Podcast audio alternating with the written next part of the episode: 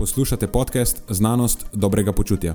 To je oddaja, v kateri odkrivamo, kako lahko znanost pomaga izboljšati vaše počutje in kako kritično razmišljanje omogoča sprejemanje dobrih odločitev na področju zdravja in fitnesa.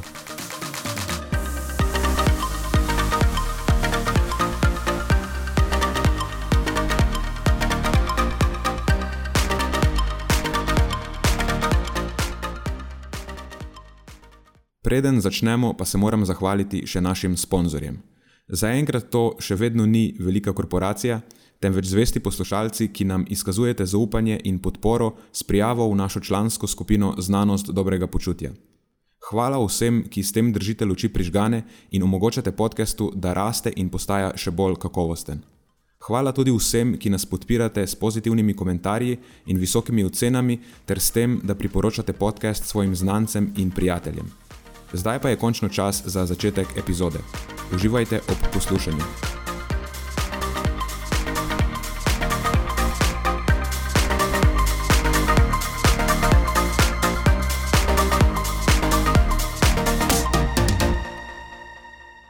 Danes dve stvari praznujemo, Marijo.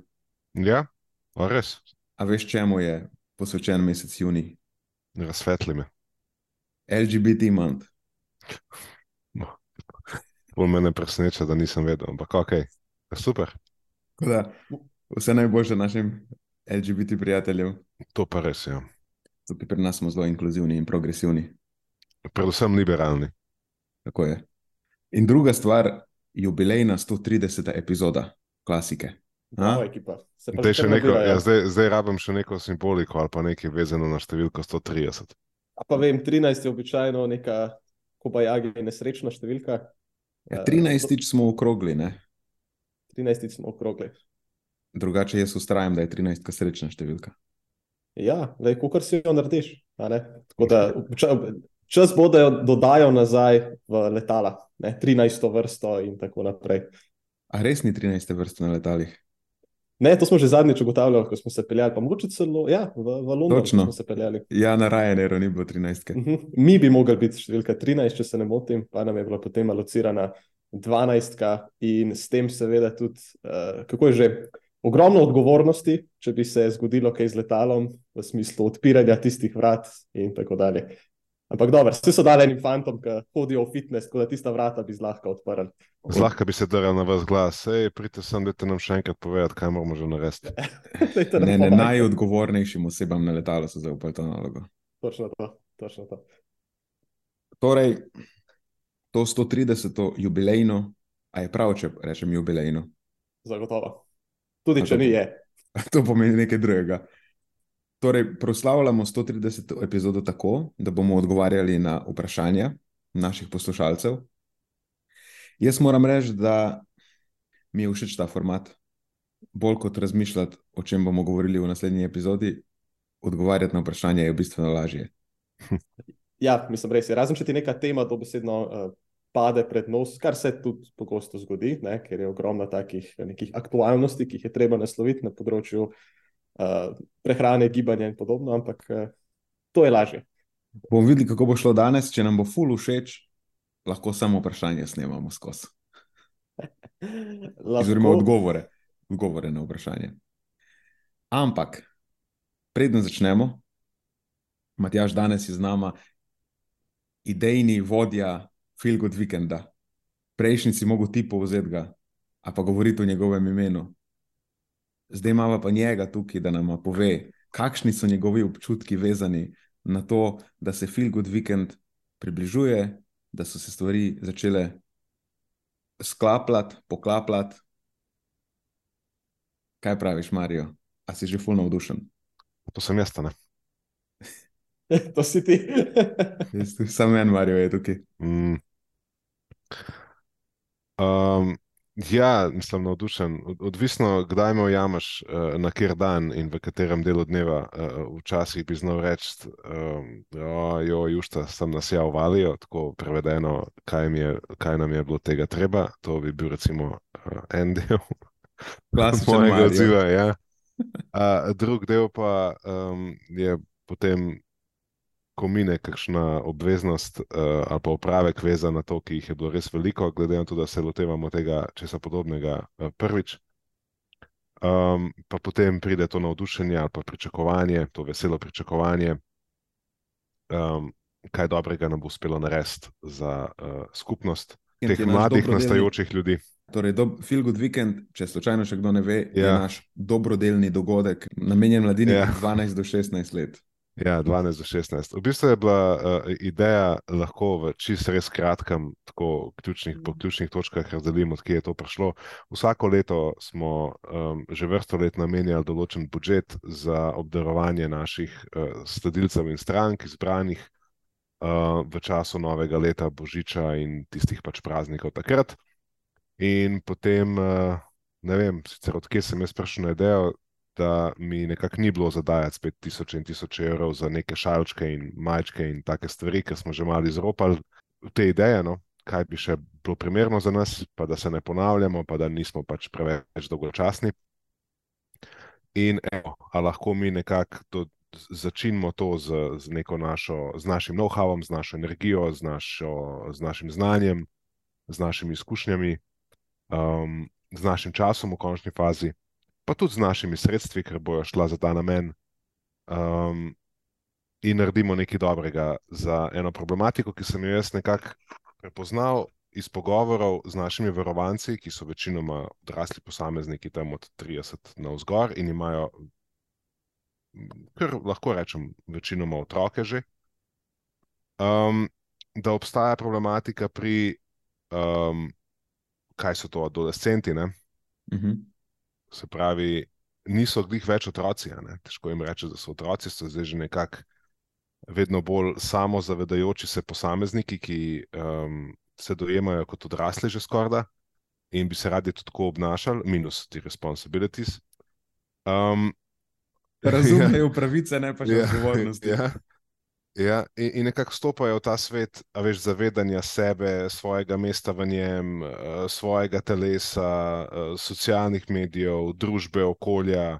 In, in dosti krat so tudi tako, a veš, prevzeti z vsem tem ne? in se ne znajo jih najbolj znajti. In tudi starši v tem obdobju, potem med 12, 16. 16 letom, 17, izgubijo to neko mogoče moč vpliva, ki so ga imeli do, do, do tedaj, in vedno večjo moč vpliva dobiva ravno vse prej našteto, pa da je več, recimo, družbeni mediji, pa družba kot taka, in, ali pa mnenja drugih. Um, in tukaj potem smo, res, Matjaš, ve, kako smo v Džimu naleteli na te pogovore z našimi strankami. Dobro, sedno smo naleteli, ker nismo jih inicirali, ampak nam stranke pol pojamrajo češ, a veš, sledi te, pa sledi one, pa neke bodybuilderje, pa mišičnjake, uh, večinoma govorimo o fantih, pa potem punce neke fizik modele, ne, se pravi neke, neke modele, uh, fitnesserke, uh, ki, ki dosti krat pro, propagirajo neke precej um, sfrizirane um, načine, pristope k treningu, k prehrani, uh, Uh, da moramo reči takšne, ki niso v najboljšem interesu teh razvijajočih se uh, posameznikov in posameznic. In tukaj komunicirajo potem... jim vse to, kar ti varovanci pri nas na treningu, pa svetovanjih slišijo, ja, da je prej škodljivo kot koristno. Tako. In to tudi sami potem prepoznajo. Ne? Vidijo, da, to, da to pelje otroke uh, v neko uh, v neke stran poti in ne znajo, oziroma počutijo se nemočno, ker jih vidijo, da grejo, ne znajo zaščititi. No. Vidijo, kam grejo, ampak jih ne znajo zaščititi, ne znajo jih odvrniti, ne znajo jim pokazati, da pa je to vendarle neka stran pot, ali pa da je celo napačna pot, potencialno škodljiva. Uh, In iz teh frustracij potem pride, ne, kaj bi mi lahko naredili. Doska celo pošljajo otroke k nam, češ da je talk some sense into him ali pa her, ne, se pravi, da ima ne pogovor se, tebe bojo mogoče poslušala, ne? kar je dosti tako, uf, ne, med kovanca. Ne, um, ne veš, lih, s čim imaš opravka. Včasih se obnese bolje, včasih slabše, ampak večinoma pridemo do tega, da se, no, zdaj bom prišel v bistvu s to populacijo, uh, po mojih opažanjih, glih najmanj ljudi, ki bi se mogli z njimi ukvarjati. Se pravi, za mlajše je precej nekih delavnic, eh, veliko, veliko je vedno več, no, hvala Bogu, um, nekih tudi dobrodelnih dogodkov, ki so namenjeni otrokom, o zaveščanju, seveda bi bilo fajn, da je tega več, ampak v resnici, vsaj moje, moje razmišljanje je šlo v to smer, da če govorimo o, o punčkah in fanskih starih, ne vem, do deset let, le, do deset let tam boš težko imel neko prehransko delavnico, neko gibalnico, karkoli, kar. Um, bo zahteval neko samostojnost od, od tega otroka, zato ker je večinoma to vse skupaj vezano na neko dinamiko znotraj družine, oziroma na to, kar počne starš. Se pravi, v prvi vrsti bomo mogli tukaj izobraževati nekako starše, vplivati na njihove um, načine razmišljanja na področju uh, življenjskega sloga, kako se odločajo, kakšne odločitve sprejmajo, in to se bo potem nekako tudi odrazilo na, na otroku. Ampak, ko pa govorimo enkrat o 15-letniku oziroma 15-letnici, s temi pa se nekako najraj, mislim, na, najmanj, tudi če govorimo o naši branži, ne trenerjih. Eh, prehranskih svetovalcih, prehranskih svetovalkah. S temi se naj, tako, na, najbolj ti je odveč se s temi ukvarjati, ker so najbolj pametni, najmanj bi radi karkoli naredili, uh, najlažje je kakšne umnosti prodati, če kaj. Najtežje je pa v bistvu biti nek pozitiven vzor. Ne? Uh, in potem spet pri odraslih, tam imamo spet cel kup rešitev, ki jih imamo za ponuditi. Ne? Z odraslimi se potem raje ukvarjamo, ker odrasli imajo ponovadi denar, ki ga mlajši nimajo. Um, kljub temu pa vemo, da glih največ nekih problem, problemov, ki, s katerimi se soočamo kasneje, nastajajo glih v tem časovnem obdobju. Ker si star 12, 13, 14, 15 let, pa lahko vsi trije govorimo iz svojih izkušenj, kar je zanimivo. Takrat nastane glih nekih največ, največ nekih vzorcev, problematičnih vzorcev, uh, tudi nekih praks, uh, ki ne, potem povzročijo, da ali se zlečeš ven iz tega, pač ne, ker odrasteš, pa ugotoviš, fak, ne, sem bil neumen, počel sem svojega in svašta, probaš vse žive možne diete, probaš vse žive možne programe treninga, misliš, da si tako ali tako neuničljiv. Ne. Um, zdaj večina pride odnese celo kožo, mnogo jih pa ne. ne. In, in uh, v zadnjem letu, morda dveh, Matjaš, se spomniš, so imeli več, kot pa je bilo običajno. Uh, ko si začel delati z mlajšimi športniki, mlajšimi športnicami, koliko je bilo ravno v tej starostni skupini nekih punc, fantov, ki so prihajali z hudimi zdravstvenimi težavami, motnjami prehranjevanja, um, res. Bili so ali rede sindrom, se pravi, če so bili skurjeni po domače, ne, v bistvu že tako trikrat blinkne, ne, trikrat zamiži v treh minutah, ne, tako čist, ne, um, kako bi rekel, kada je na počasnem posnetku. Se pravi, če izgovorimo o neki, um, neki posledici ekstremnih pristopov na področju treninga in prehranjevanja, in potem moraš nekako to nekje začeti popravljati. Ne? In um, od tukaj je potem bila ideja, da okay, idemo poskusiti nekaj narediti za to skupino. Vse vemo, da ne bomo mogli narediti v bistvu v enem vikendu ničesar, se nismo zdaj. Ne, Zgubili stika z realnostjo in imamo kar feeling, da bomo mi zdaj rešili tukaj svet ali pa Slovenijo. Ampak Ali želimo probati vsaj nekaj narediti. No, tukaj je bila ta ideja, no, da naredimo en vikend, da uporabimo naš know-how, da uporabimo nek, neko ožjo in širšo skupnost, ki jo imamo na voljo, uh, da uporabimo vso znanje, ki ga tudi imamo iz, uh, na področju dela z otroki, z mladostniki, in, in da jim poskušamo nekako približati načine razmišljanja um, in, in odločanja na področju prehrane in svojega telesa, oziroma gibanja, vadbe um, da si, no, pač kar se da pomagajo, oziroma kar se da vsaj ne odmagajo no, na tej poti do odraslosti.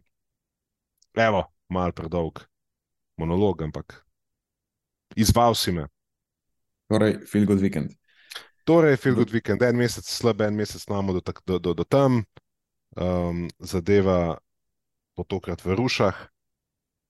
Eh, v enem diaškem domu, tam, ki ponuja res tako že na pol luksuzno storitev. Ne v tem smislu, da imamo tam pet zvezdic, ampak v tem smislu, da imamo vse, kar rabimo na voljo, od narave do uh, recimo fitnesa na prostem, do bazenov, do ne vem, res cel kup enih stvari imamo na voljo. Da, izobraževalno aktiven, zabaven, izobraževalno aktiven. Tako, tako, tako. Zadnja stvar, ki jo želimo, je tam nekako pristopiti preveč pametnjakovičevsko in um, s to neko retoriko, um, s to neko pokroviteljsko retoriko, zdaj mladostnikom razlagati, kaj bi oni mogli, pa kaj ne, ampak jim kaj ne samo pač dati vedeti, da ej, bili smo tam, razumemo vas. Ne, ampak mogoče vidimo, ne, kako lahko neko stvar si olajšate, optimizirate, ne, uh, ali pa se vsaj zaščitite pred nekimi pastmi, v katere smo mi sami stopili. Ne, in če to naredimo z neko skolerano, uh, um, s nekim sko naborom skoleranih posameznikov, posameznic, ki jih nekako zdaj okoli tega vikenda tudi zbiramo, da nas bojo prišli pozdraviti, se mi zdi, da to zna imeti nek pozitiven uh, vpliv. No.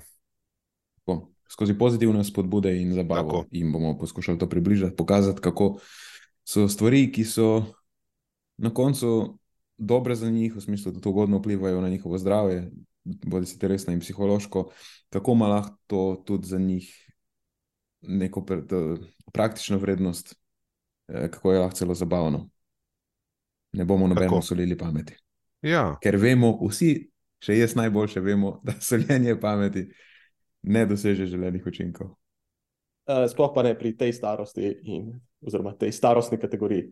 Sicer pa še ena zelo pomembna točka, da ne pozabimo, kako pa, oziroma kje pa lahko se prijavim, oziroma prijavim svojega otroka in ali podprem projekt. Good point, Matjaš. To sem želel povedati prej. Da v enem tednu smo pravzaprav pol mesta polnih že. uh -huh. Tako da vsi, ki bi želeli koga prijaviti, prijave so še zmeraj odprte, ampak dajte pohiteti, ne čakati na zadnji trenutek. Ideja, ki smo imeli, da naredimo iz tega neko hetero, heterogeno skupino, ne, se pravi, da ne, da, da ne damo skrb, recimo v skupino 30, samo otroke z nekimi ali posebnimi potrebami ali iz nekih neprivilegiranih okolij ali iz kakorkoli že. Se pravi, hoteli smo narediti neko heterogeno skupino, kjer imamo lahko pač neki različen nabor otrok, da imamo tudi um, nek ta um, občutek in, in solidarnost, in medvrstniškega, medvrstniškega druženja, in, in, in spodbujanje nekega razumevanja uh, drugačnosti, in, in ponujanje enakih možnosti. Uh, Sprav, vse to smo nekako želeli zajeti, tako da upam, da nam bo uspelo. Zaenkrat kaže dobro, imamo prijave um, na različnih, ne, z različnih naslovov, to sem želel reči, in, in to me veseli. Imamo ja, uh, zaenkrat, če kakšnih 10 do 15 mest, povsem prostih. Um, tako da, evo, me, me zanima, kaj se bo v naslednjih dveh tednih zgodilo. No? Um, a, a uspe ta projekt doseči še tako, vsaj kakšno, uh, kakšno javnost, um, ali bomo ostali bolj vezani na to, kar bomo mi povedali o tem po naših kanalih, ampak kakorkoli, upam, da nam uspe nafilati skupino nekje 25 otrok, plus minus. Za prvič zna biti čist dovolj. Tako, tako da, Super. skočite na našo spletno stran, zavihek projekti, Feel Good Weekend, več podrobnosti je tam gor, možnost prijave in ali podpore samega projekta. Ja, ja. Tudi če tako. vpišeš v, v, v iskalnik, Feel Good A, Weekend, te, iskalnik, te ja. ti vrže ven. Um, tam je res razloženo, vse smo se potrudili narediti en one-pager, kjer uh, najdete vse potrebne informacije. Um, res Tudi v samem programu in podobno. Ne? Tako. Ne? Če, če nekdo se najde v poziciji, ali pa če se nekdo nahaja v poziciji, da nas lahko podpre ali finančno, ali z nekimi, um, na neke druge načine, ne, ki nam pridejo prav, vsekakor dobrodošli, se bomo potrudili, da vas nekako izpostavimo, omenimo, vam damo možnost, uh, kakršne koli izpostave um, boste jo pač želeli, ki si jo lahko omogočimo. Um, seveda tudi vsi, ki se čutite, da vas ta projekt nagovarja, dobrodošli, prijeti na obisk imamo skrb možnosti, kaj pojesti, kaj spiti. Um, tako da skratka želimo narediti en tajno, tako res um, zabavno druženje no, za vse, ki razumejo to problematiko in ki podpirajo način, kako smo se odločili z njo soočati. Mogoče malo bolj konstruktivno za v prihodnost, kot pa ne vem. Samo negativno govoriti o, o, o, o vsem. No. To se mi zdi, da je v zadnjem času še posebej, ja, veš, od Nenad, ko smo govorili o tistem um, neljubem dogodku v Srbiji, pa pol, veš, potem je vse nekako fajn vršt v isti koš. a ne. Se pravi, socialni mediji so potem samo vse negativno. Je, ne, veš, imamo to neko potem navado, da vse sam. Um, Generalno nam pri soočanju s problemi manjka pozitive. no, preveč, ja, se, po, ja, preveč se osredotočamo na negativno. na negativne aspekte, manjka pa pozitive, vse povsod generalno. Že zadnjič, ko sem pripravljal vsebine, to je že sicer dolgo nazaj, ampak je tudi relevantno. Tistem eh, dnevu debelosti, ali kaj imamo to. Uh -huh. Tudi tam skozi eno in isto, eno in isto, skozi negativne posledice debelosti, Ja, to je ja. slabo, ono je slabo, narašča. Ful manjka neke pozitive v tem, nekih pozitivnih zgodb. noben ne omenja ljudi, ki so pa uspeli, ki se uspešno borijo z debelostjo, Tako. ki so uspeli normalizirati svojo telesno maso na načine, na katere so to eh, dosegli, nič se ne namenja destigmatizaciji debelosti. Tako, ne vem, zakaj ta vzgib, da vedno, ko imamo kak problem, se ukvarjamo samo z negativo, primanjkuje pa pozitive. Ej, Zato tudi- Meni men, men se zdi bolj konstruktiven način naslavljanja vseh problemov skozi skozi pozitivo, pa skozi neke spodbude in tako ne. Ne strašenje in mogoče celo še potenciranje problemov skozi to. Vsekakor in tudi vidva sta v tem, bi rekel, uh, iskreno, precej boljša od mene. Uh, bolj sta nagnjena k temu, da vidita v stvareh dobro kot jaz. Jaz mogoče ne želim izpasti hinavc zaradi tega. Uh, hinavc v tem smislu, da uh, sem se Da zavedam. bi bil pozitiven skozi, če v resnici nisi. Mislim, ja, zavedam se, da še posebej, če se osrnem na, na, na, na, preteklost, sem bil bolj fokusiran, bolj so me prevzemali neki, neki negativni aspekti. Ne. Tudi ko sem pisal, ko sem izpostavljal neke stvari, je bilo vedno bolj negativno v spredju. In, in bolj sem imel zaprte oči za, za vse, kar je pozitivno. Ne? In te, to, to nekako tudi z, z odraščanjem, ne? kot nek ciklus azga od nas, uh, bi želel te stvari malo spremeniti. Ergo, tudi Feel Good Weekend je en tak poskus, ne? da namesto tega, da se kot ne, branža, ki se ukvarja ali pa ki nagovarja um, boljše, izboljšanje življenjskega sloga, ne ukvarja samo z posledicami, ne, um, ampak mogoče poskusi kdaj približati tudi uh, nagovarjanju vzrokov, um, kljub temu, da to morda ni glih najbolj ali dobičkonosno, ali pa nam osebno najlažje. Uh, En, s, tem bom sam zaključil. Spomnim se pred leti, ko uh, sem govoril z enim izmed uh, učiteljev na eni osnovni šoli, uh, in me vprašal, češ, ali bi bil pripravljen, imamo res omejena sredstva, ne moramo ful plačati. ne. Uh, ali bi bil pripravljen priti na našo osnovno šolo? Se lahko govorim konkretno, vse je tvoj podcast, se lahko povem. Recimo naše recimo predavanja za neka podjetja, veš, lahko sežejo tja od 400-450 evrov, pa tudi več. a Ne? Na recimo eno tako dobro organizirano, strokovno, poglobljeno predavanje. a. Zdaj za šole, doskrat si tega ne morejo privoščiti. in Spomnim se, takrat so imeli vem, 100 evrov, 150 evrov budžeta ali kakorkoli že, sej pozabil sem točno cifro, ampak vem, da je bilo precej manj. In ko sem rekel, da bi bil pripravljen za ta namen, ne, eh, z otroki delati, tudi na nekaterih šolah brezplačno, čist v sklopu nekih njihovih projektov, so bili šit, a veš, če so bili tako presunjeni, koliko smo mi ljudi že prej, um, takrat še Filgud ni bil, to je bilo leta nazaj, nekako to poznan, koliko smo uh, uh, ljudi prej prosili, da bi prišli, pa noben jih hotel prijeti. ne. Tako to me, čak, kaj? Noben jih hotel prijeti. Ne, že številne posameznike iz industrije, iz branže naše so prosili, da bi prišli, da bi predavali, da bi povedali, da bi delili znanja z mlajšimi, da bi se ukvarjali z njimi. Noben jih hotel prijeti. ne. In to mi je prav ostalo v spominu, tako del mene je še danes. Ja, mislim, kako lahko pričakujemo, da bo šlo karkoli na boljše, se noben noče ukvarja z njimi. Sicer na drugi strani pa razumem, težko je, ne? Ti greš lahko na podjetje, dobiš dvakrat, trikrat več denarja ali pa k nekomu, ki te je sposoben to plačati, ful manj se moraš pripravljati, ful manj greš izven svoje cone obdobja, greš pa ukvarjati se z mlajšimi, tam pa nikoli ne veš, kaj boš dobil. To je pa kaj ena pismo nevihta. Lahko, a ne? nimaš pojma, nimaš skill seta. Tako, spomniš se, ko smo hodili okoli po šolah. Pismo to Mhm. si bil bolj pod stresom, kot pa da bi šla, vem, predsedniku države predavati. Ti bi bil walk in the park. A veš, tam pa šit 50 otrok. Ne, kako to zdaj animirati, kako njim karkoli približati, res imela sva pri, priprave muke ježeve, totalno. Ampak, veš, to je to, o čemer govorim. Edina, enkrat in edinkrat, ko sem zmrznil. Ja, enkrat in edinkrat, tega nisem hotel izpostaviti. Na, na ker sam- predavanju. Ja, jaz sem pač v V eni fucking šoli, jedilnica, galama, A se spomnim, ja, še ku, oni pa kuhajo še kosilo zraven. kuharica je tam kosilo pripravljala, jaz sem tako čist sem dobil flashback na uno. Ja. Del mojega mentoriranja, tudi v primeru Nena, da je bil, da ga poskušam, izposta poskušam izpostaviti situacijam izven njegove cone obdobja. Takrat smo, šli, takrat smo probali malo, je bil tako, malo mal tumač, ampak je pa ostalo v, v spominu.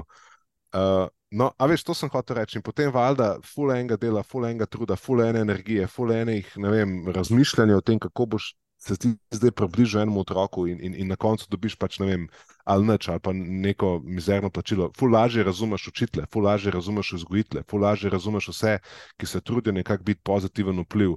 Ne? A, a, a, pri mlajših, če pa pogledam našo branžo, pa vidim, ne, tako malo zanemarjamo to problematiko, odkudar izvirajo potem vse težave, s katerimi se odrasli soočajo in ki prihajajo k nam. Se razumem, da je to v bistvu good business za nas. Ja, zdaj sem iz jezika.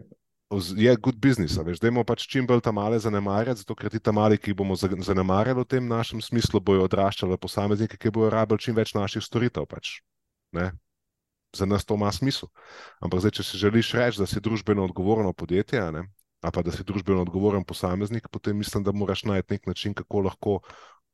Pač se nisi zdaj ti dobrodelna organizacija, sam neki pa mogoče vseeno lahko vrneš uh, skupnosti, ali pa če si iskren v svojih namenih, da želiš delati dobro, ne, potem se delanje tega, kar je dobro, začne pri nagovarjanju vzrokov za nastajanje vsega, kar je slabo kasneje. Tako da pač to je naš poskus, no, en tak mehen, mehen, mehen poskus enega mehnega, mehnega, mehnega podjetja, da naredi eno mehno, mehno, mehno razliko. Majhno sneženo kepco, če zvoliš po vrhu hri, hriba, polnega snega, potem se začne nabirati. če se zelo dolgo vali, potem nastane velika kepca, ki se vse hitreje vali. To bi bil ide, idealen, idealen scenarij. Idealen ja. scenarij. Zelo dobro si povzel to hvala za priložnost pregovoriti o, o nečem, kar očitno mi je pomembno. Zdaj pa jaz predlagam, da mi gremo na glavno temo in to so odgovori na vprašanja naših poslušalcev. Da mi gremo kar po vrsti, vidimo, kako daleč pridemo, tisto, kar nam pa ostane, če nam kaj ostane, pa lahko prihranimo za naslednjič. Bog ve, da potrebujemo material. Jaz sem toliko besed, toliko sem, sem dobil izpostavitve, toliko sem dobil, a veš, airtime, da zdaj bom uh, pri odgovorih na, na vprašanja. Ne, to se ne šteje. A se ne šteje, ok, ne, zdaj jaz zdaj, samo zdaj govorim, če moram biti zbrati. Ja, ok, ok, ok. Zdaj pritisnem tipko, zbriše in štartamo tukaj naprej. Dajmo najprej nasloviti eno vprašanje, ki smo ga dobili v, od naših Patreonov v, na Discordu, v članski skupini, je Maruša postavila vprašanje, šalta od Maruši, super vprašanje. In sicer jaz sem že na to vprašanje nekako odgovoril, kot se mi je zdelo primerno, ampak vseeno mislim, da lahko vidiš še kaj dodata. Pa, ker je bilo dobro vprašanje, je mogoče jaz lahko svoj odgovor še enkrat javno ponovim, ne samo v.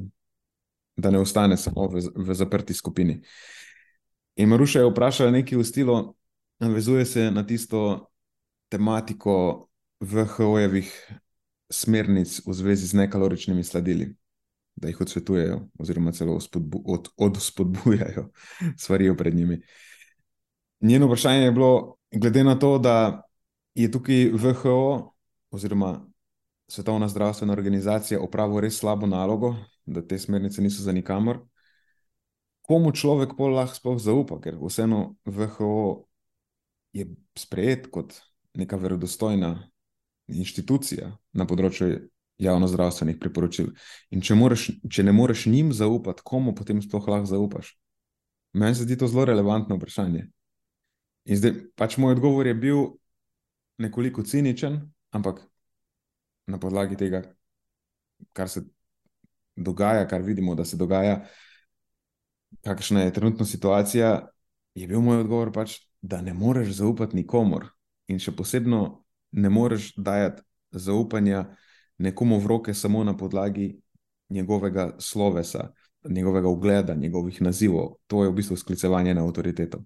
Tako da samo na podlagi tega, da je nekdo kao verodostojen, da ga drugi sprejemajo kot verodostojnega, uglednega, da to, da to pač ni zadost. In zakaj sem rekel cinično? Zato, ker na tej točki res ne vem, če lahko podam neko heuristiko, ki bi pomagala sortirati med dobrimi in slabimi viri. In tudi ne verjamem, da obstaja en vir, ni mi nismo ta vir, ki mu lahko zaupaš tako brez premisleka. Vedno, kar koli slišiš, je potrebno dati čez filter kritičnega premisleka tudi to, kar mi povemo, je smiselno dati čez filter kritičnega premisleka in se vprašati, a to, kar mi govorimo, pije vodo ali pa ne. Vem pa, da to samo po sebi ni zadosten na svet. Ker spoh na nekem področju, ki ti ni blizu, lahko ti uporabiš vso kritično razmišljanje, ki ga premoreš, pa včasih ni zadost, če ne poznaš specifik tega področja in težko ločiš slab od dobrega argumenta. To je bil moj odgovor. Da mi je zelo žal, ker nimam boljšega odgovora. Zanima me, Matjažev odgovor. Meni se zdi, da je e-, e-, edino, kjer funkcionira ta sistem, um, da slepo verjameš v neki brez premisleka, je, je kultno razmišljanje na nek način. A ne tako kulti delujejo. Neki nekdo pove ena teza in to je to, in to potem drži za svet. Ampak v resničnem svetu, nažalost, ta stvar tako ne funkcionira. No, ne, nažalost, na srečo. Uh, jaz pa tudi nimam neke boljše heuristike, po kateri bi lahko to stvar sortiral. Včasih smo se pogovarjali o tem, ne, kako, oziroma se pogosto propagira veš, ne, nek evidence-based pristop in podobno, ampak uh, skozi leta ugotoviš, da tudi ta stvar potem začneš škripati in vidiš, kakšne neumnosti objavljene v recimo kakih bolj priznanih revijah. Temu smo bili priča v zadnjem času. Uh, vidiš, kakšne neumnosti objavljene strani organizacij, katerim bi v preteklosti pripisal sicer verodostojne informacije. Tako da, ja, nažalost, na jaz tudi nimam neke, nekega boljšega odgovora. Ker še zmeraj je Svetovna zdravstvena organizacija, če pogledaš komplet njihove komunikacije. Glej, sicer ne poznamo vseh njihovih stališč, ampak recimo na pamet rečem, približno 95 odstotkov je evidence-based, temelji na nekih zelo solidnih dokazih. Ne vem pa, kaj se je recimo tukaj na področju nekaloričnih sladil zgodilo, da so oni lahko na podlagi enega brezveznega sistematičnega pregleda, ki sploh ni bil kompleten, podali tako priporočilo in zanemarili vso težo dokazov, ki na tem področju že obstaja, iz bistveno boljše nadzorovanih raziskav.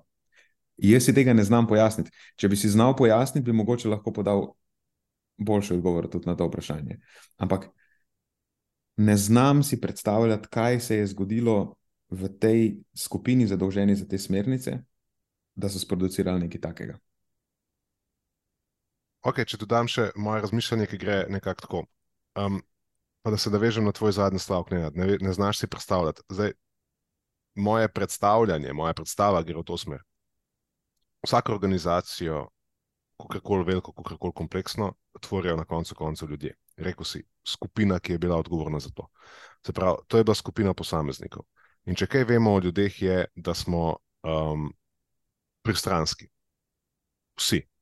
Ne? Se pravi, zdaj ni point tako, a veš, težiti k nepristranskosti, ker to je najbrž nemogoče, če ne si robot. Ali, uh, gre, gre bolj za to, da je na nek način pričakovano, da tam, kjer bojo ljudje, ne, mm -hmm če ne bo nekega ustreznega monitoringa ali pa ustreznega sistema, ki čekira za te pristranskosti, potem bojo te prišle ven. Pogled, recimo, vidva sta boljši naslov za komunikacijo o znanosti od mene.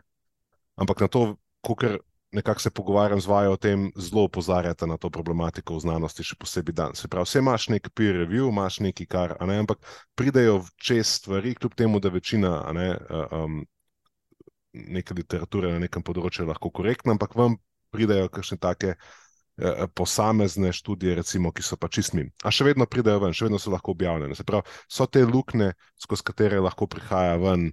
Um, Skozi katero lahko prihajajo ven tako problematične, problematične stališča ali pa informacije, kot je, kot je recimo ta od VHO-ja, ki si jo v komentarju razdelil.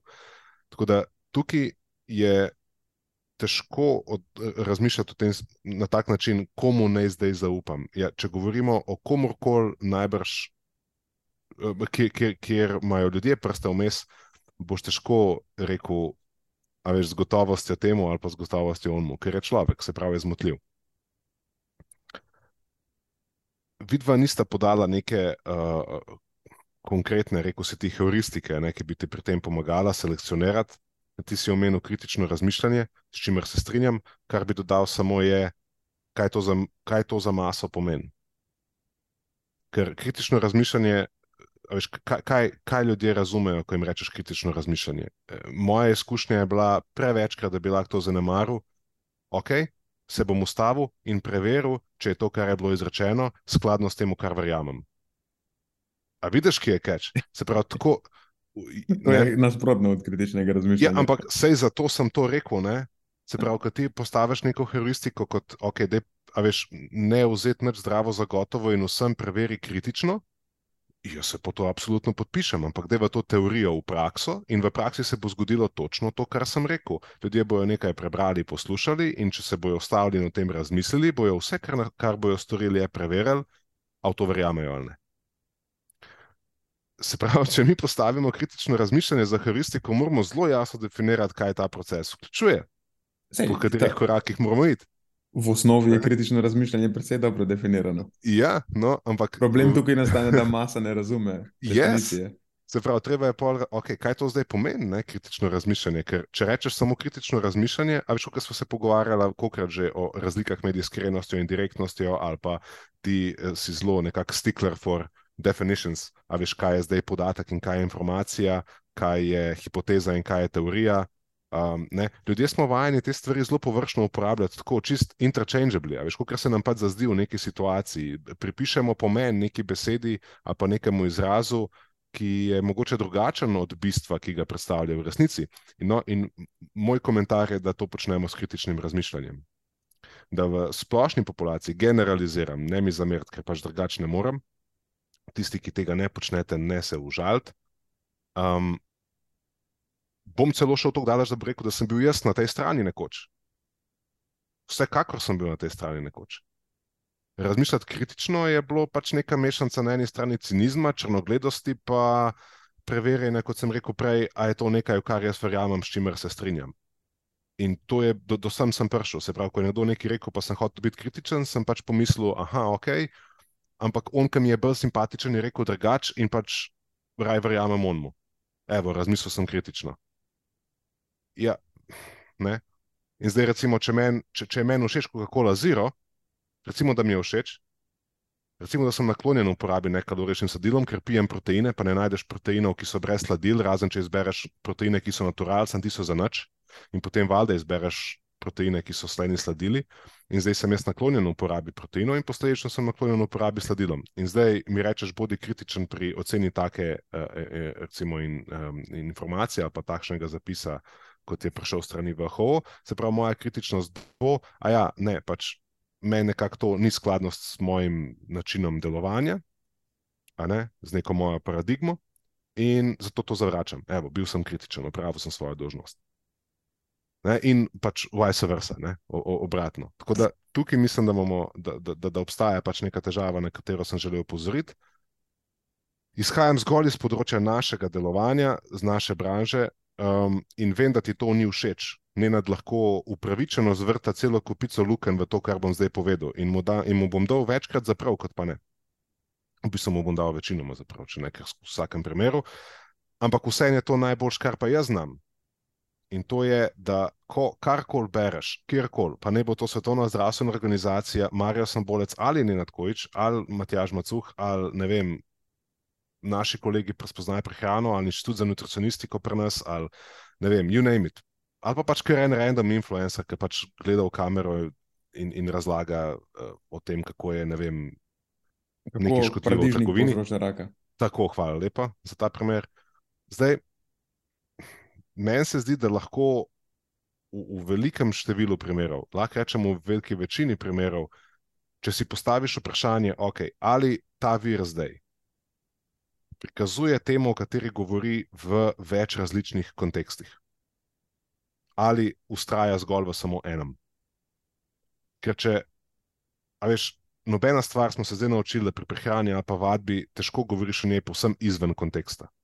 A lahko govoriš o cukru izven konteksta, a lahko govoriš o vem, mlečnih izdelkih, brez da upoštevaš posameznike, ki imajo vem, alergijo in toleranco. A lahko govoriš o, veš, o, kako lahko govoriš o eni stvari, brez da bi zanemaril širši kontekst, neke nianse, neke, neka področja, kjer pa obstajajo malo drugačna priporočila. Kako lahko, a veš, če imamo nek vir, ki vse to zanemarja in ki se drži kapijan splota zgolj ene same smeri, potem je to razlog, da bi jaz prežgal eno rumeno luč. Sigurno, če me sprašuješ. Ker to ni način, kako odgovorno komunicirati o čemer koli. In tega se zavedamo na drugih področjih, zelo pogosto se tega zavedamo na drugih področjih, ampak tukaj pa to spregledam. Druga stvar, če nekdo straši pred nečim, Veš, Bog, veš, ne vem, eh, Bog ne da, če to ješ, se ti bo nekaj groznega zgodilo, ali pa če to počneš, je to zelo škodljivo. Pa, ne, tudi to, kdaj se je to izkazalo za najbolj korekten prikaz kakršne koli informacije. Jaz ne pomnim, kdaj, ne, ne poznam primera, kdaj. To so ponovadi ljudje, ki imajo drugačno agendo, ki nekako mogoče imajo težavo se, se upreti svojim pristrankostim in imajo željo potrjevati jih prej, kot pa v njih res tako pristopati z širino konteksta, ker čim to počnem, potem to spremeni tudi moje dojemanje te resničnosti. In tukaj imam pol, ne, in zdaj, če imaš ti težavo s tem, pa m, mm, komuniciraš na način, kako samo škodljivo je, ali kako samo koristno je, potem, ker, se jaz, ker sem jaz odrasel človek, ki se zaveda, da te stvari niso tako črno-bele, potem je tudi to vir, na katerega lahko dam uh, rumeno luč. Ne? Se pravi, to sem zdaj samo taka dva primera dal, ki sta zelo, zelo, zelo pogosta. In tukaj, recimo, lahko že ta VHO zapis v zaključku, nekako skoraj z obema rumenima luč, lučema pržgem. Mm. Ja, ni imel konteksta, pa navezoval se je predvsem na negativne učinke. Se pravi, to je zdaj moj komentar, mogoče spet malo predolg, ampak da si rekel, si, da lahko. Um, se pravi, tukaj, zdaj, a bo to v vseh primerih držalo? Mislim, da ne. A bo v velikih večini primerov držalo? Mislim, da. A je lažje za naučiti množice kot pa postulatov kritičnega razmišljanja? Mogoče.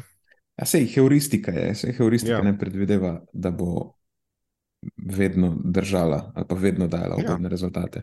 Ja. Heuristika ti olajša odločanje o nekih zadevah in večinoma daje dobre rezultate. Mislim, tudi jaz ne, ne poznam boljše heuristike, recimo te dve, ki si jih zdaj omenil. Mislim, da v večini primerov sta kar ok filter, pa če dodaš še ščepec kritičnega razmišljanja, lahko prideš zelo daleč.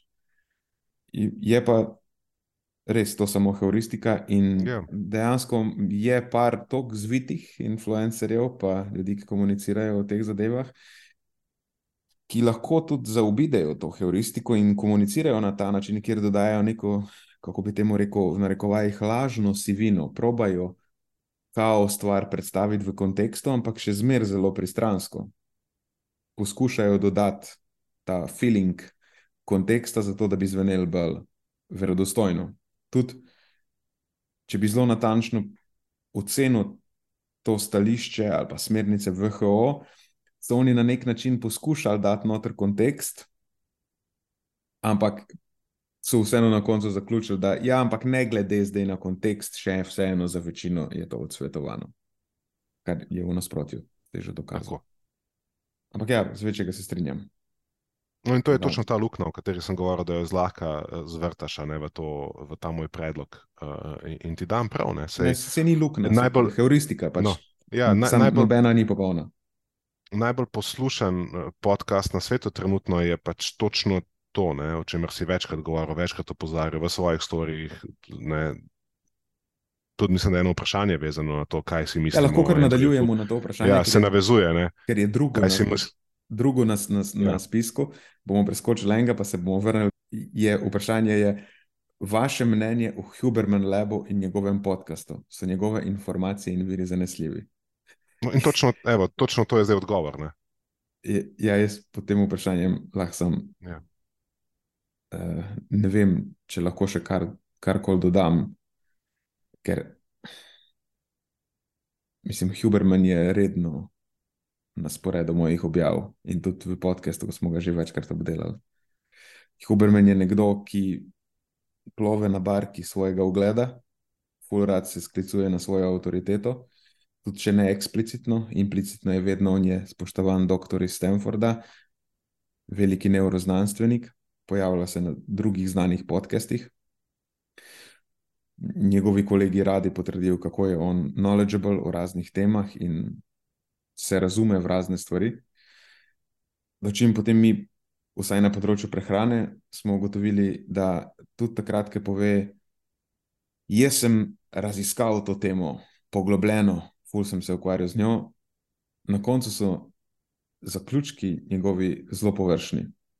Jaz sem veliko krat videl, da sem neke abstrakte prebere, zbere neke naslove, doskrat dela zaključke na podlagi mehanističnih raziskav, raziskav na živalskih modelih, ne preverja več za velikost učinka, ne preverja za metodologijo. Kaj da bi res samo naslove in abstrakte prebral, parih raziskav, ki so mu všeč, in si zdaj naplete neko zgodbo, oziroma naplete tako zgodbo, ki zveni privlačno, ki pritisne na določene tipke pri njegovih poslušalcih, pove jim tisto, kar ve, da jim bo všeč, ali kar jih bo pritegnilo, uplemeniti to z zapletenimi znanstveno zvenečimi besedami, ki jih marsikdo sploh ne razume, ampak to, če nekdo nekaj neže ne, razu, ne, ne razume, doskrat v njegovi glavi pomeni, da aha, ta model ve, o čem govori, uporablja besede, ki jih jaz ne razumem najboljše, ampak zvenijo kul, cool, zgodba je zanimiva, sklada se z nekimi mojimi prepričanji ali pa to, kar jaz mislim v svetu, ali pa kar želim biti v svetu, in pač kupijo to.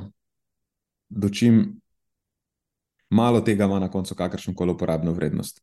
Doskrat je to primer nekega eh, majoring in the minor, se rečejo v angliži, ukvarjanja z drevesi, zanemarjanja celega gozda, dlakocepljenja s povsem brezvezdnimi stvarmi, pripisovanja celo ogromnih učinkov temu dlakocepljenju, čeprav literatura kaže povsem nasprotno, da so učinki, če sploh obstajajo, če sploh kakršni koli, so v najboljšem primeru marginalni, da je vložek bistveno večji kot to, kar lahko pričakujemo v zameno, noč ali pa pač marginalen učinek.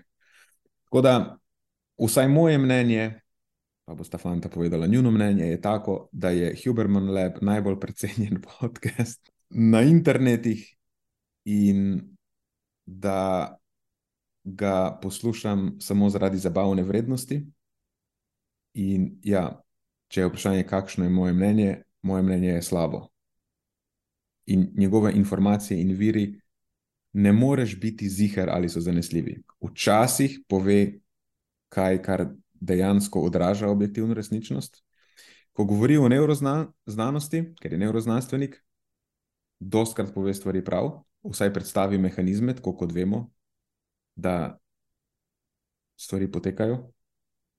Doskrat pa tudi ne, recimo, kot v primeru une kave, on zamika pitje kave in za dve uri, ne takoj, ko se zbudiš, ker mehanizem, ki ga predlaga, zakaj bi bilo smiselno zamakniti uživanje kave oziroma kofeina, specifično v tem primeru, pa ga ne, pa ga ne zaužiti takoj, potem, ko ostaneš, ta mehanizem nima nobenega smisla.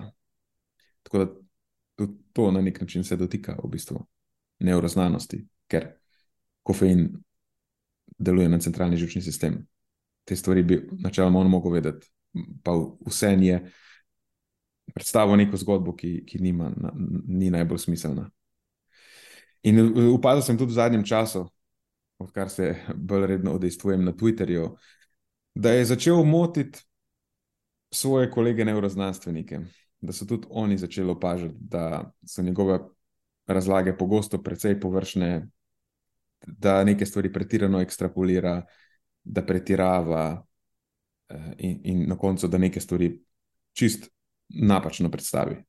Tako da, kot jaz razumem, to ima tudi vedno več njegovih kolegov, neuroznanstvenikov, zdaj, ki mi je prišel na radar, veliko krat probleme z njegovimi razlagami in priporočili. Da ne omenjam naših kolegov, trenerjev, s katerimi sem se pogovarjal, da tudi na področju vadbe to, kar svetuje, ali pa stvari, ki jih svetuje, ki se dotikajo vadbe, telesne dejavnosti, telesne pripravljenosti in tako naprej, da večinoma tudi ne držijo. Oziroma, da imajo podoben občutek, kot ga imamo mi, ko on govori o prehrani, ko govori o vadbi, v bistvu v njih sproža precej podobno mero frustracije. Ja, jaz iskreno nimam kaj preveč za to tukaj. Mislim, da smo na tem podkastu namenili bistveno več časa Hubermanu, kot bi si ga kdorkoli izmed nas treh to želel, če smo si čisto iskreni.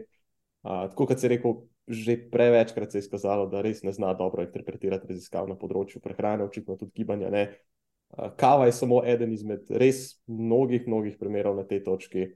Uh, jaz se sam sprašujem, če tako interpretira literaturo na tem področju, kako se potem to odraža na področju neuroznanosti jaz si predstavljam, da je sicer lahko strokovnjak na tem področju, ampak uh, nekako mi potem začne izgubljati tudi točke na, na tem delu. Ne. ne morem ga potem resno imati, če vem, da tako posega v druga področja. tudi na svojem področju. Drugače, še eno heuristiko imam za vas. Huberman je nekdo, ki ga Joe Rogan zelo ceni.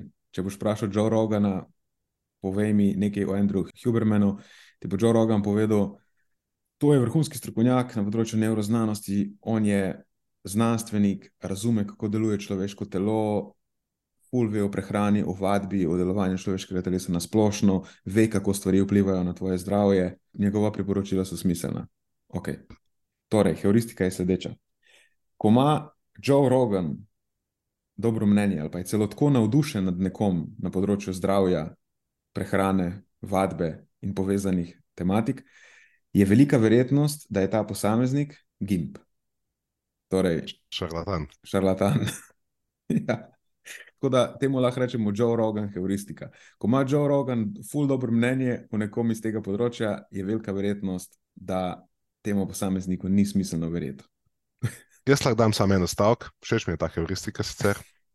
Uh, ampak um, eno stavek, ki ga lahko dam, je, da če bi deset let nazaj, če bi bil jaz deset let mlajši, če bi se preselili nazaj v tisti čas, 2013, pa bi Andrew Huberman takrat obstajal, tako kot obstaja danes, jaz bi bil, po mojem, njegov velik fan. Ma jaz bi šel ali in stari moj. Zakaj? Jaz, garant. Zato, ker zdi se mi, da ponuja vzor in sklic. Pseudoznanstveni srednji pri nas, da se da postati slaven, na način, da množici brka ne samo komuniciraš to, kar ti misliš, da je res. In v tem procesu zadošča, da se sklicuješ na autoriteto. Svojo, če pa nimaš, je pa tuja, tudi ok. In to, recimo, prepoznavam danes pri mnogih predstavnikih naše branže z izjemno številnim followingom. Ko vidim, da tako, a veš, nekritično šerajo stvari od Andreja Hubermana, tako si mislim, ok, make sense. Ne? Razumem, razumem, zato ker sem rekel, da deset let nazaj ko nisem vedel tega, kar vem zdaj, bi jaz to počel enako, ker ne vidiš, ne veš točno, kaj kritično razmisliti pomeni. Ja. to, kar smo se prej pogovarjali. In, in vidiš v bistvu, da je možno na tak način nekako doseči neko, neko množico. Ne? In tudi zlahka padeš na vse te logične zmote, ki jih uporablja, in še več, to je samo moja predpostavka, celo učiš se logične zmote uporabljati. Se pravi, dobesedno te uči uporabljati logične zmote. V njegovih razlagah lahko potem vidiš tudi, kako lahko sam te iste logične zmote, lahko da celo ne vede, uporabljaš pri um, kovanju svojih argumentov. Mhm. Jaz drugače imam konkreten dokaz, da bi padel pod vplivom Andyja Hubermana pred, pred, mhm. pred, pred, pred reč, temu desetimi leti. Uh mhm. -huh. Ker v tistem obdobju je bil popularen nekdo, ki je bil Andy Huberman pred Andyjem Hubermanom. Andy Huberman je sicer na steroidih, zdaj ukrepljena uh mhm. -huh. verzija te osnovne, ampak Ben Greenfield je bil nekdo, ki je komuniciral na zelo podoben način. Uh -huh. Ja, spomnim se. Sem bil tako religiously sem poslušal Ben Greenfield podcast. The OG of biohackers. The OG of biohackers. Ja. Jaz sem bil biohacker še predtem, prednji je bilo popularno. Ja. Dokler pač na neki točki ne gotoviš, da je vse skupaj en velik bullshit. Ok, no. dajmo se premakniti iz tega, ker je brez veze. Ja, gremo. Razpredati o tem več. Tako kot je Matjaš povedal, bistveno več časa smo porabili za to, kot smo planirali, ker tukaj bi zadostovala samo alineja LOL in lahko gremo naprej. Okay. Ja, tako ne bi prišel do Joe Rogan heuristike, to pa je Drži. pa čar tega segmenta. Zdaj imamo še tretjo Joe Rogan heuristiko. Ok, naslednje vprašanje. Kako drugače se rezultira presežek kilokalorij, ki hipotetično večinsko izvira iz maščob, ugljikovih hidratov ali beljakovin? Torej, kaj se zgodi, če poješ višek energije iz ugljikovih hidratov, oziroma kaj, če poješ višek energije iz maščob oziroma iz beljakovin? To vprašanje je teoretično vprašanje, ker kako pa tvoja presnova ugotovi, iz kje izhaja presežek v praksi? Če, če so tvoje energijske potrebe, rečemo samo za primer, 2000 kalorij na dan, ti pa poješ 2500 kalorij na dan, to je zdaj 500 kilokalorij viška. Ampak, če si ti pojedel 1000 iz maščob, pa 1000 iz oglikovih hidratov, pa 500 iz beljakovin, spet samo za primer. Kaj je zdaj od tega višek? A je 500 iz maščob višek, a je 500 iz oglikovih hidratov višek, a je 500 mešan višek? To hočem reči. Če imaš mešano prehrano, ki vključuje vsa tri makrohranila, je to popolnoma nerelevantno vprašanje, ker je višek sam višek, mešan višek. Sicer lahko se pogovarjamo o tem, kako prioritetno telo porablja določene substrate. Ampak na koncu dneva, v vseh praktičnih pogledih, ko potegneš črto, je na mešani prehrani višek sam višek. Ker ne moreš reči, kaj je zdaj od tega višek. Drži sicer, da se maščobe najučinkoviteje skladiščijo, torej pretvarjajo v telesno zalogo energije, da so naslednji oglikovi hidrati in čisto na koncu beljakovine. Ampak o neki signifikantni razliki bi lahko govorili samo, če je tvoja prehrana izključno maščobna, izključno ugljikohidratna ali pa izključno beljakovinska, kar je v praksi nemogoče. Tudi če hočeš to narediti, vsa živila, ki jih uživaš, vedno vsebujejo nek delež vseh, vseh treh. In edino, kako bi lahko to v resničnem svetu dosegel, je, da ne vem, kaj ješ, izoliran škrob ali pa izolirane beljakovine ali pa piješ olje. Tako da to je vprašanje, ki v bistvu nima praktičnega odgovora. Tudi termični učinek hranjenja v končni fazi bo spet povprečen. V povprečju je nekje 10 odstotkov energije, ki je zaužiješ, se porabi za ta termični učinek hranjenja. Ne. Zdaj ta je lahko za par odstotkov višji ali pa nižji, odvisno od tega, kaj predstavlja predominanten delež tvojega energijskega vnosa. Zdaj, če poješ več, relativno več beljakovin, bo mogoče ta povprečen termični učinek malenkost višji. Ampak bi videla, kaj dodala? Ne, pravzaprav noč. Mislim, pogovarjamo se o energijski enoti tukaj, dobesedno. Uh, jaz verjamem, da je to vprašanje mogoče izviralo od nekod drugot, ampak uh, to je potem povsem drugačno vprašanje, kar v kjerkoli drugo smer bi zdaj to zapeljal. Tako da presežek je presežek. Ja, in telo ne bo vedlo, odkot je ta presežek prišel, samo da je prišel in ga bo potem, seveda, nakopičil v obliki maščobe. ja. Tudi če, recimo, po prioritetah, kako telo uporablja substrate, razporediš še zmeraj, tudi če recimo, spet, da so tvoje energijske potrebe 2000, pa zaužiješ 2500, pa je 2300 kalorij od tega iz beljakovin, pa ugljikovih hidratov, pa pol on preostanek 200, kal 200 kalorij iz maščob. Zdaj, mo mogoče bi bilo tukaj vprašanje, ali je zdaj kakšna drastična razlika, ali je teh, ta, ta delež, ki je zdaj iz maščob, delno nadomesti ugljikovih hidratov ali beljakovine. Ja, mogoče na prehrani, ki je iz, izjemno revna z maščobami, bo pretvorba v telesno zalogo malo manj učinkovita. Samo to je spet tako skrajen scenarij, da v, ne vem, kakšen ima to, kakšno ima to praktično vrednost. Tako da, ok, mogoče v nekem skrajnem scenariju bo neka marginalna razlika, ampak še zmeraj se mi ne zdi, da je to nekaj, s čimer si je vredno beliti glavo. Če, če, mogoče, ne vem, če hočeš narediti eno obdobje, en dan prenajedanja, mogoče se boš manj zredil, če poješ več oglikovih hidratov, ampak še zmeraj mislim. Ja, v veliki luči, kaj to zares pomeni. Ja. V veliki sliki.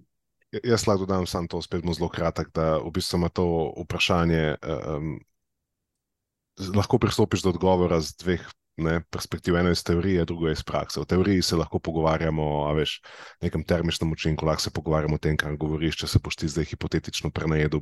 Ampak Se pravi, tukaj lahko zdaj mi gremo se tega hubermanstva.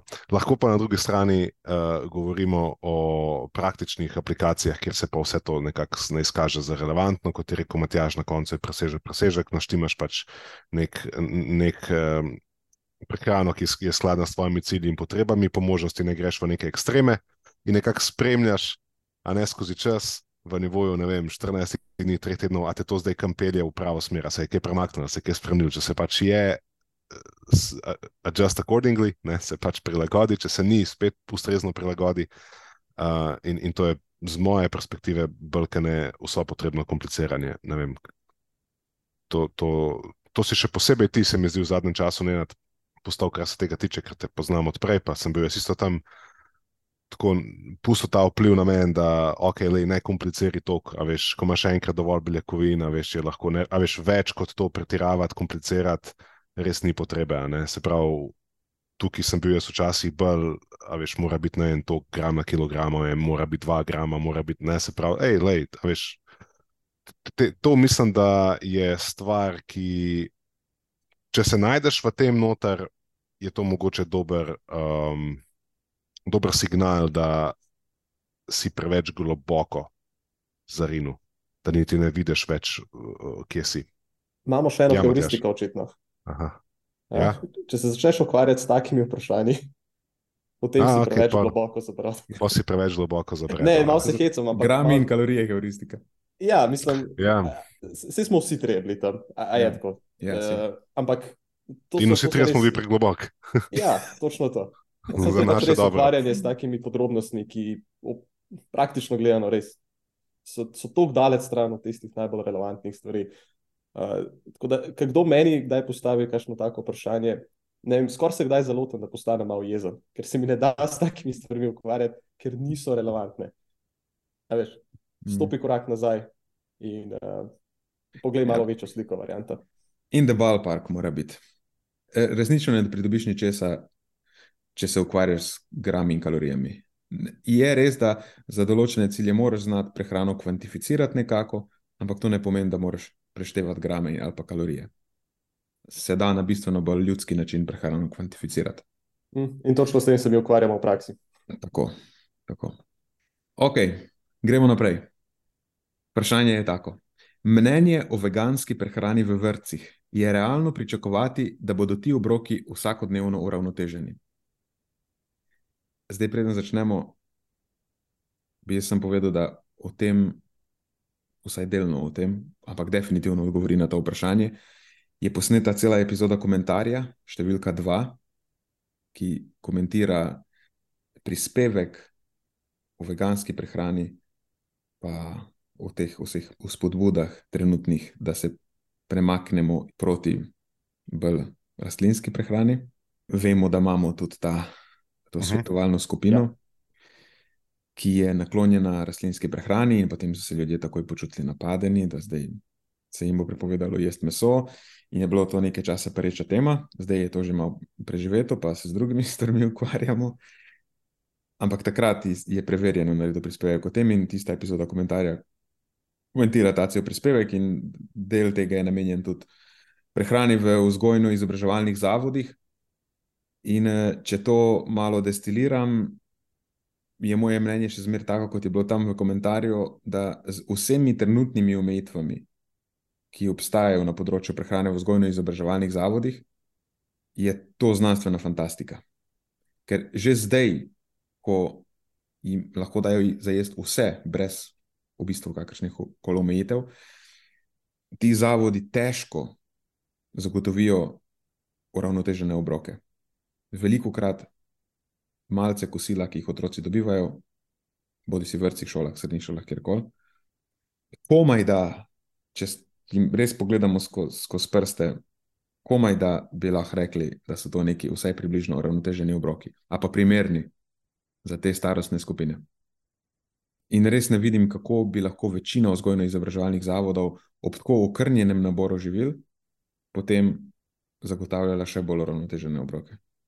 V idealnem svetu ja, bi se tudi to otrokom lahko omogočilo, ampak trenutni svet je tako zelo daleč od idealnega. Ja, se strinjam. Ja. Že, tako kot si rekel, v bistvu že pri vsej jedi prehrani imamo težave, zdaj pa optimizirati te stvari na ta način, res, res je znanstvena fantastika, vsaj tako deluje na tej točki. Um, tako da priporočam poslušanje tega komentarja, tam si šel v veliko več podrobnosti. Mhm. Enako lahko jaz dodam, tisti komentar je bil res eh, celovit. Um, ne vem, Da bi nekaj dodal, da se lahko samo vprašam, kaj, s kakšnim namenom, kaj je namen. Ne, ker če je namen, da izboljšamo uh, prehran, pre, pre, prehrano v smislu kvalitete, da izboljšamo prehrano v smislu ravnoteženosti, zakaj potem veganska prehrana? A, Sej, a veš, to ni zdaj odgovor oziroma rešitev na ti dve vprašanje oziroma ta dva izziva. Niti približno ni, ni, ni, ni ne se pravi, čem pa v bistvu ne govorimo o tem kot o rešitvi teh dveh izzivov, se pravi prehrane, ki ima pomankljivo kvaliteto oziroma ni dovolj uravnotežena.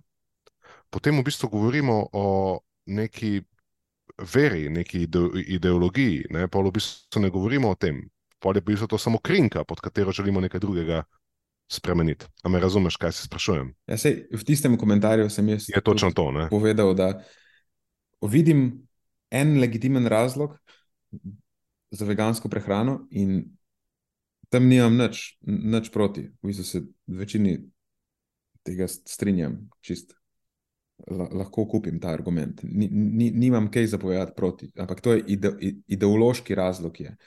Če si nekdo, ki mu ni všeč, kako se ravna z živalmi, ima pri tem neke moralne zadržke, pa je to zelo legitimen razlog za veganski puš. Ampak drugega utemeljenega razloga ni.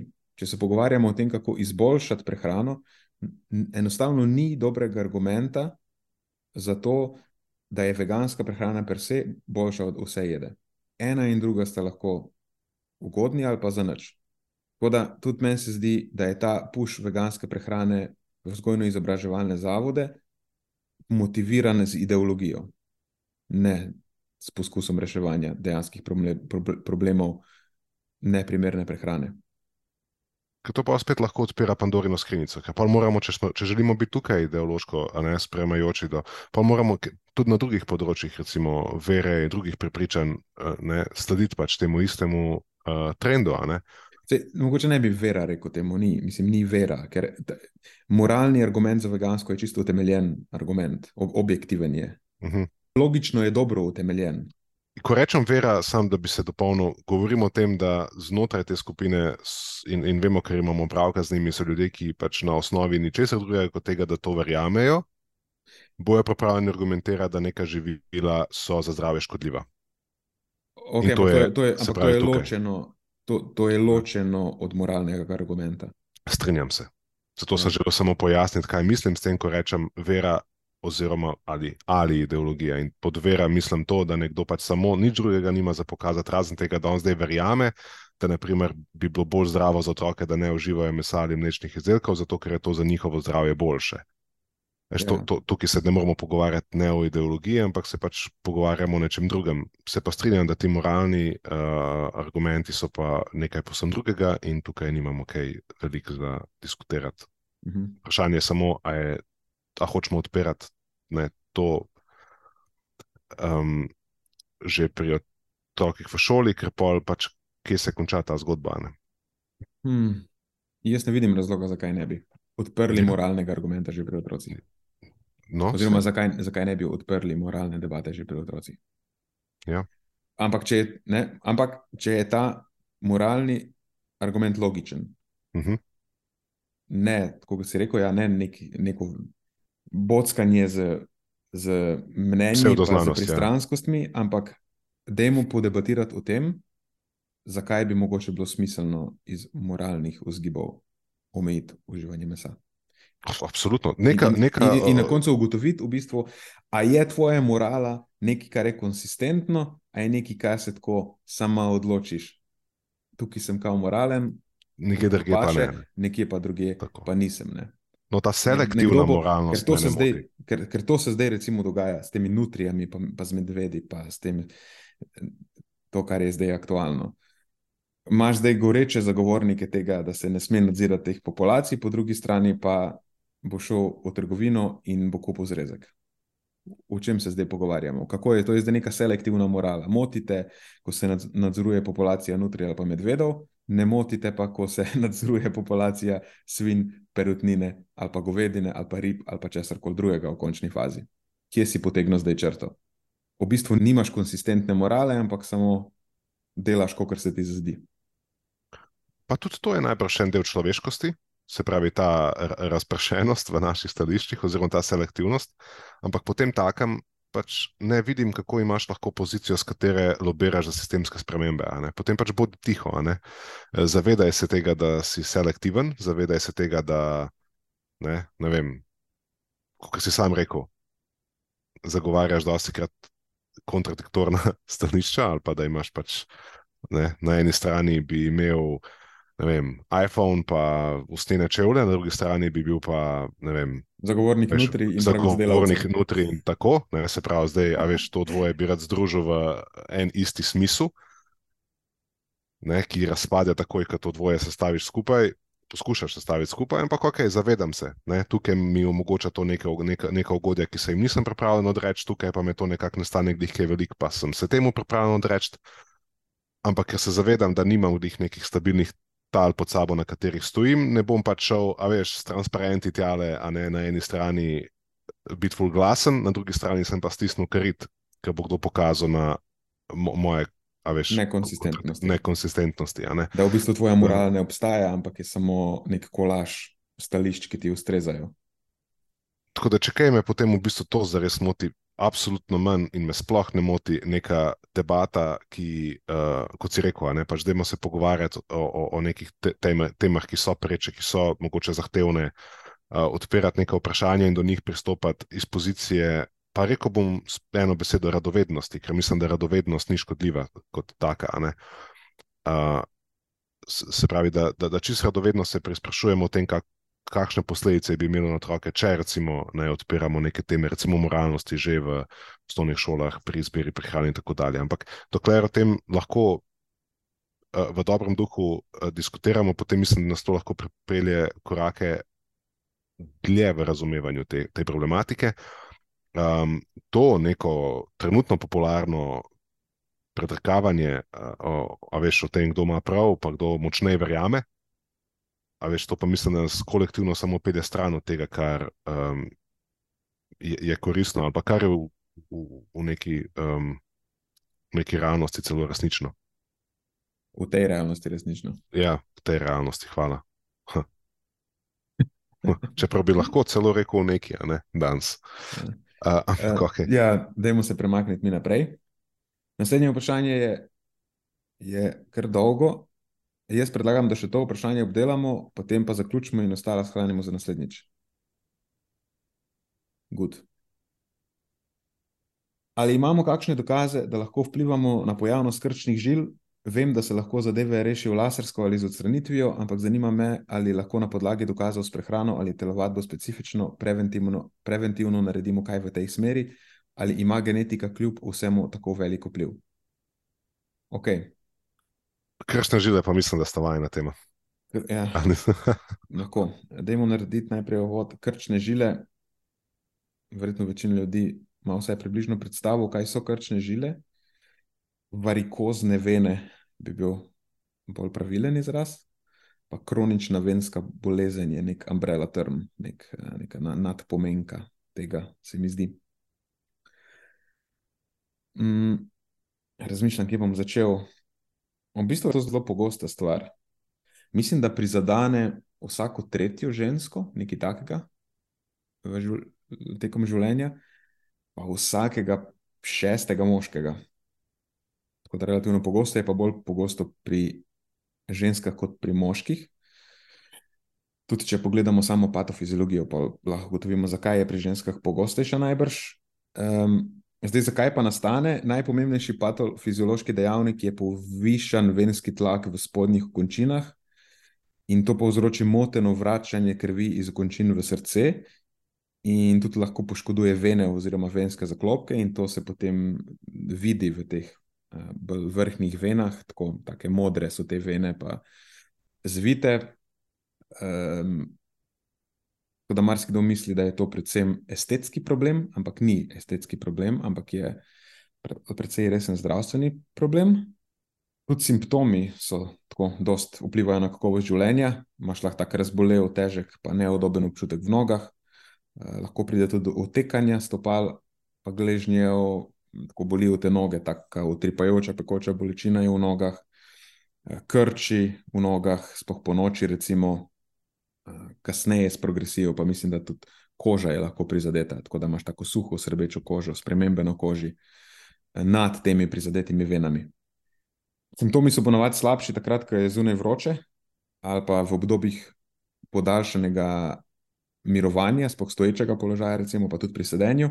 Načeloma pa po drugi strani pa potem hoja ali pa počitek z dvignjenimi nogami, kar nekako sprosti ta venski tlak, to pa pa lahko pomaga blažiti simptome. Zdaj pa zakaj ta zadeva nastane? Torej, imamo, čist, bom probo to čisto na kratko, sicer malo karikirano, ampak po mojem zelo natančno. Imamo arterije, pa imamo vene. Arterije so tiste, po katerih gre obogatena kri po telesu in ta kri potuje pod tlakom, pretaka se ritmično, tako kot utripa srčni utrip. Plus arterije so pretežno iz gladkih mišičnih vlaken, pa še dodatno uravnavajo ta pretok krvi s krčenjem, ko bistveno bolj aktivno, rečemo temu, poteka pretok krvi in načeloma krvi v arterijah ne more zastajati. Po drugi strani pa imamo pa vene, v kere se kri iz kapilar vrača, pa potem vene so zadolžene za to, da vračajo kri nazaj v srce. Tukaj pa kri teče pasivno. In tudi vene so zgrajene drugače od arterij, so pretežno, iz kolagenskih pa elastičnih vlaken, in až nimajo neke tako črpalke kot srce, da bi to, ta kri konstantno, ritmično uh, odtekala, ampak se pasivno ožijo pod vplivom krčenja okoliških mišic. Um, pa pač širijo se takrat, ko je ne, tok krvi za dost močen. In še ena pomembna stvar je, da v venah so posebne zaklopke, ki preprečujejo ta povratni tok. Torej, kri se lahko premika, načeloma, sem, mislim, sej kri, kri načeloma teče v eni smeri, in na vsakih 4 do 5 cm je ena taka venska zaklopka, in kri ne more, ta preprečuje, da bi kri odtekala nazaj, ne, ker obstaja nevarnost, da bi, ker je, če je načeloma tlak v venah precej nižji. Um, in tukaj nastane problem. No? Patofiziologija je vezana predvsem na, na, na okvaro teh venskih zaklopk. Te venske zaklopke postanejo poškodovane, potem ko bolezen progresira in ponavadi nastopijo simptomi takrat, ko, te, ko pride do poškodb teh venskih sten, pa ko, sploh, ko, so, ko so poškodovane zaklopke. Mm. Če malo ostanemo pri fiziologiji in se vprašamo, zakaj bi lahko prišlo do težav v venskem pretoku. Zdaj, to vračanje krvi v srce proti sili gravitacije, imaš tri črpalke, ki ga zagotavljajo. Ena je mišična črpalka nog, pač ko imaš mišice na nogah, ko se krčijo, ne stisnejo vene, poženejo kri navzgor. Isto je, zelo podobno je stopalna črpalka, skozi, v, v podplatu so mišice in skozi, ki stopiš na nogo, se te mišice v stopalu zožajo in potem je tukaj še tlak, veš, tvoje telesne mase, ki pritisne in spet požene kri proti srcu in potem imaš dihalno črpalko, um, ta pa deluje tako, da skozi zajameš sapo, nastane pritisk notranjih organov na vene, spet jih zoži in to pol omogoči, da ta venska kri zaključi uspenjanje po trupu, pa da pride nazaj v, v, v srce. Tako da dejansko globoki vdihi bi lahko izboljšali venski pretok. In se mi zdi, da to je recimo prva točka, kjer razmišljamo, kako lahko s prilagoditvami življenjskega sloga vplivamo na najprej razvoj, pa pol progresiv te bolezni, je tako, da ohranjamo vse te črpalke, kar se da funkcionalne. Mm, zdaj, ostali vzroki so pa, še, eden je definitivno dednost. Dednosti se full velik vpliv tukaj pripisuje, ne vemo točno koliko, kakšen odstotek, recimo, bi lahko temu predpisali, ampak vsekakor dednost je nek, nek pomemben, zelo pomemben dejavnik. Pa imaš še starost, starejši kot si, seveda. Eh, načeloma, staranjem zdravja žilja peša, ampak na to dvoje ne moreš, ne moreš vplivati. Potem je še en nespremenljiv dejavnik, je spol. Kot prej sem rekel, pri ženskah je stvar zelo pogosta, bolj pogosta kot pri moških, in domnevno gre tukaj za vpliv v narekovaju ženskih hormonov, estrogena in progesterona, ki vplivata na strukturo ven, pa tudi na sproščenost venskih sten. S tem je povezana potem tudi slabša robustnost teh zaklopk pri ženskah. Uh, vemo, da recimo tudi progesteron vpliva na kolagen in tako naprej, kolagen kot glavna komponenta um, teh ven, venskih sten, pa zaklopk. Še en dejavnik tukaj je pa mogoče zastajanje tekočine, pa spremembe volumna krvi med menstrualnim ciklom. To lahko dodatno obremeni vene. Uh, in pol tudi nosečnost je dejavnik tveganja za to. Verjetno tudi iz podobnih razlogov, zaradi hormonskih sprememb, ki se, ki se dogajajo.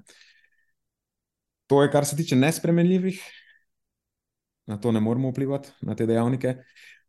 Kar se tiče pa življenjskega sloga, je pa tako, da dolgotrajna stoja, dolgotrajno sedenje, vse to definitivno bo imelo neugoden učinek.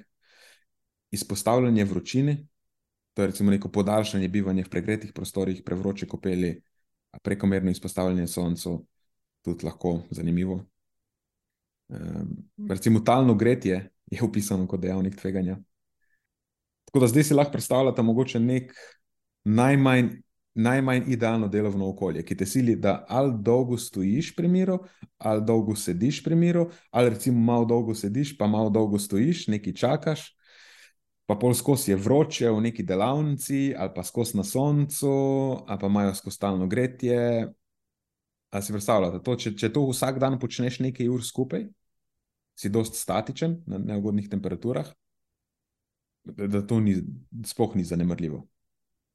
Pol naslednji dejavnik tveganja je debelost, tudi izpostavljen kot zelo pomemben, pa nizka stopnja telesne dejavnosti. Tukaj govorimo o pomankanju vadbe za vzdržljivost ali pa pomankanju vadbe z bremeni a pa mogoče še če bolj to posplošimo, ne gre toliko za nizko stopnjo telesne dejavnosti, ampak gre za slabo telesno pripravljenost, v smislu, da je tvoj kardiovaskularni ali pa kardiometabolni sistem slab, ali pa da imaš slabšo kardiometabolno kapaciteto, pa da imaš neugodno telesno sestavo. Oziroma, da so tvoje mišice manj funkcionalne. Manj mišične mase imaš, pa manjšo mišično, miš, mišično moč.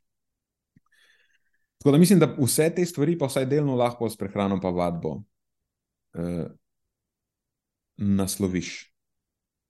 Tako da ne bi jih rekel, da ne moreš s prehrano in vadbo vplivati. Zdaj, če bi hotel podati neke smernice, bi lahko naredil ločeno za prehrano in vadbo.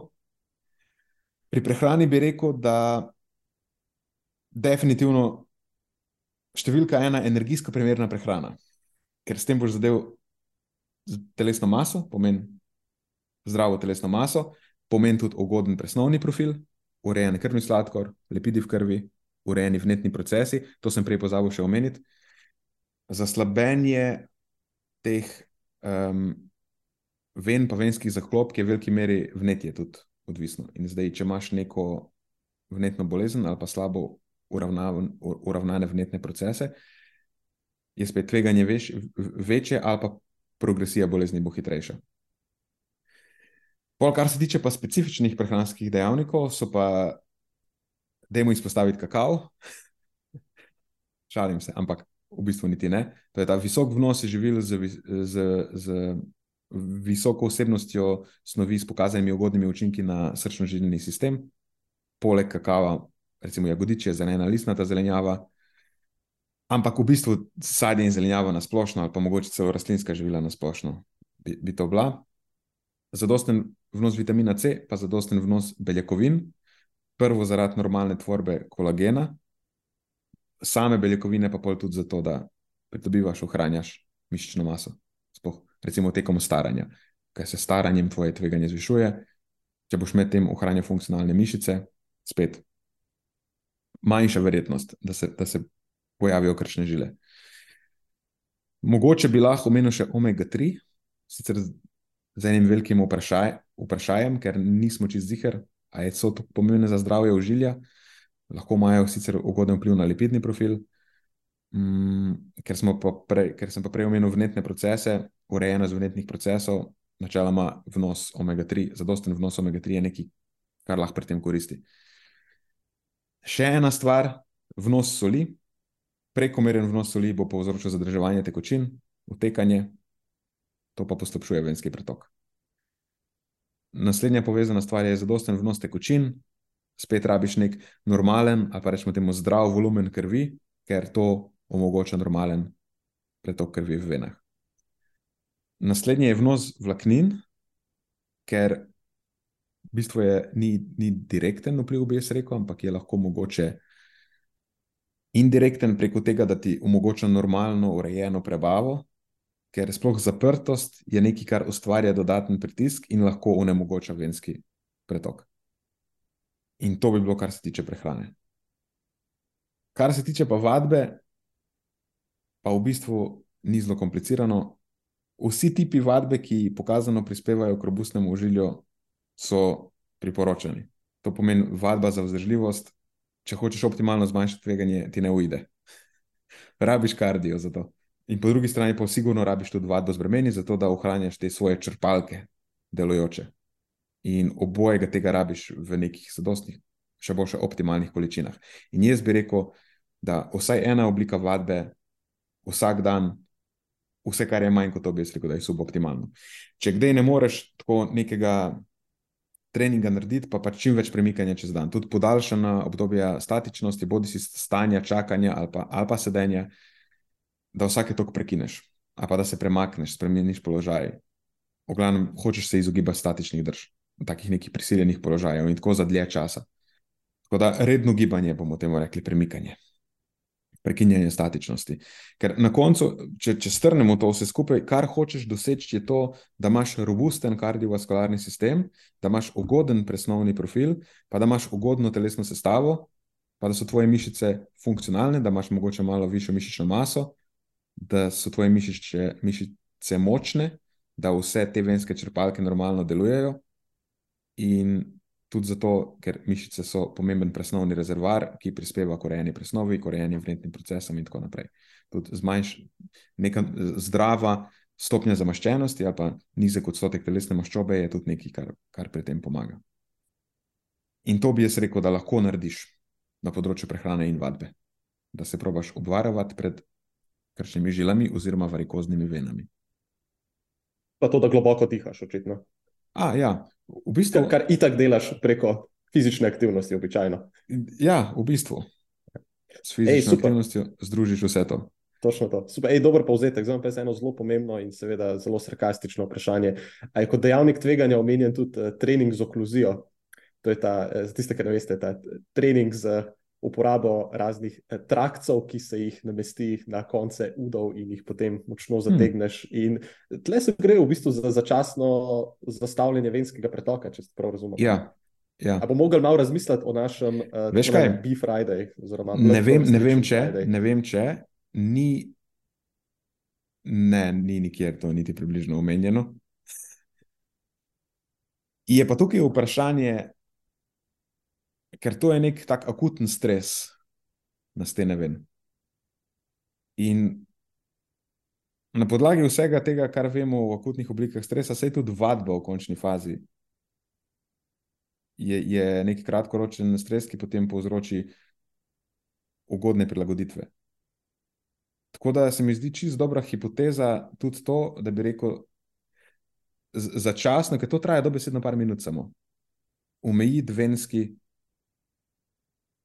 ta pretok, pa potem v bistvu, bom jaz rekel, da gre vse hitro naprej. Mhm. Ne vem, jaz bi rekel, da, ja, da v najslabšem primeru to ni niti koristno, niti škodljivo, v najboljšem primeru pa mogoče celo gre za neko obliko, pa, na rekovajih, pozitivnega stresa. Odlično. Kaj, všeč mi je, da drživa to, ta standard, da jaz postavim eno tako neumno vprašanje, ti pa odgovoriš na resno. ne, meni se je to zdelo čisto resno vprašanje. Relevantno je. Sploh glede na pogostost najnega izvajanja BFR treningov. Tako, tako. BFR, Blood Flow Restriction, oziroma B-Friday, kot se reče. BFR. Tako, B-Friday, ja. ok, tako je. Če se strinjata, jaz bi predlagal, da to na tej točki zaključimo. Nismo prišli niti do polovice, ampak ok, ni panike. Bomo ponovili naslednjič, kar nadaljevali bomo s vprašanji. In meni je, bila, meni je bil ta format epizode všeč.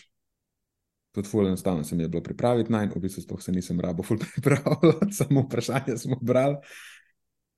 Um, tako da, če ima kdorkoli še kakršno koli dodatno vprašanje, ki bi hotel, da ga v naslednjih epizodah obdelamo, lahko mi ga pošlje na Instagram, v DM-se, oziroma celo tako daleč, bomo šel, da bomo šel dal svoj e-mail na nenad, afna, fil, pomišljaj, good.si, nam lahko pošiljate vprašanja za podcast epizode, in mi bomo v epizodah klasike samo odgovarjali na vaše vprašanja. Kako se nam olajša zadevo? Se strinjam, se strinjam. Dobra epizoda je bila. Zvedel sem kaj novega, med drugim tudi to, da si bil traumatiziran v jedilnici osnovne šole. To je bil mogoče highlight za me vsaj. Uh, tako da se veselim naslednje epizode. No? Good.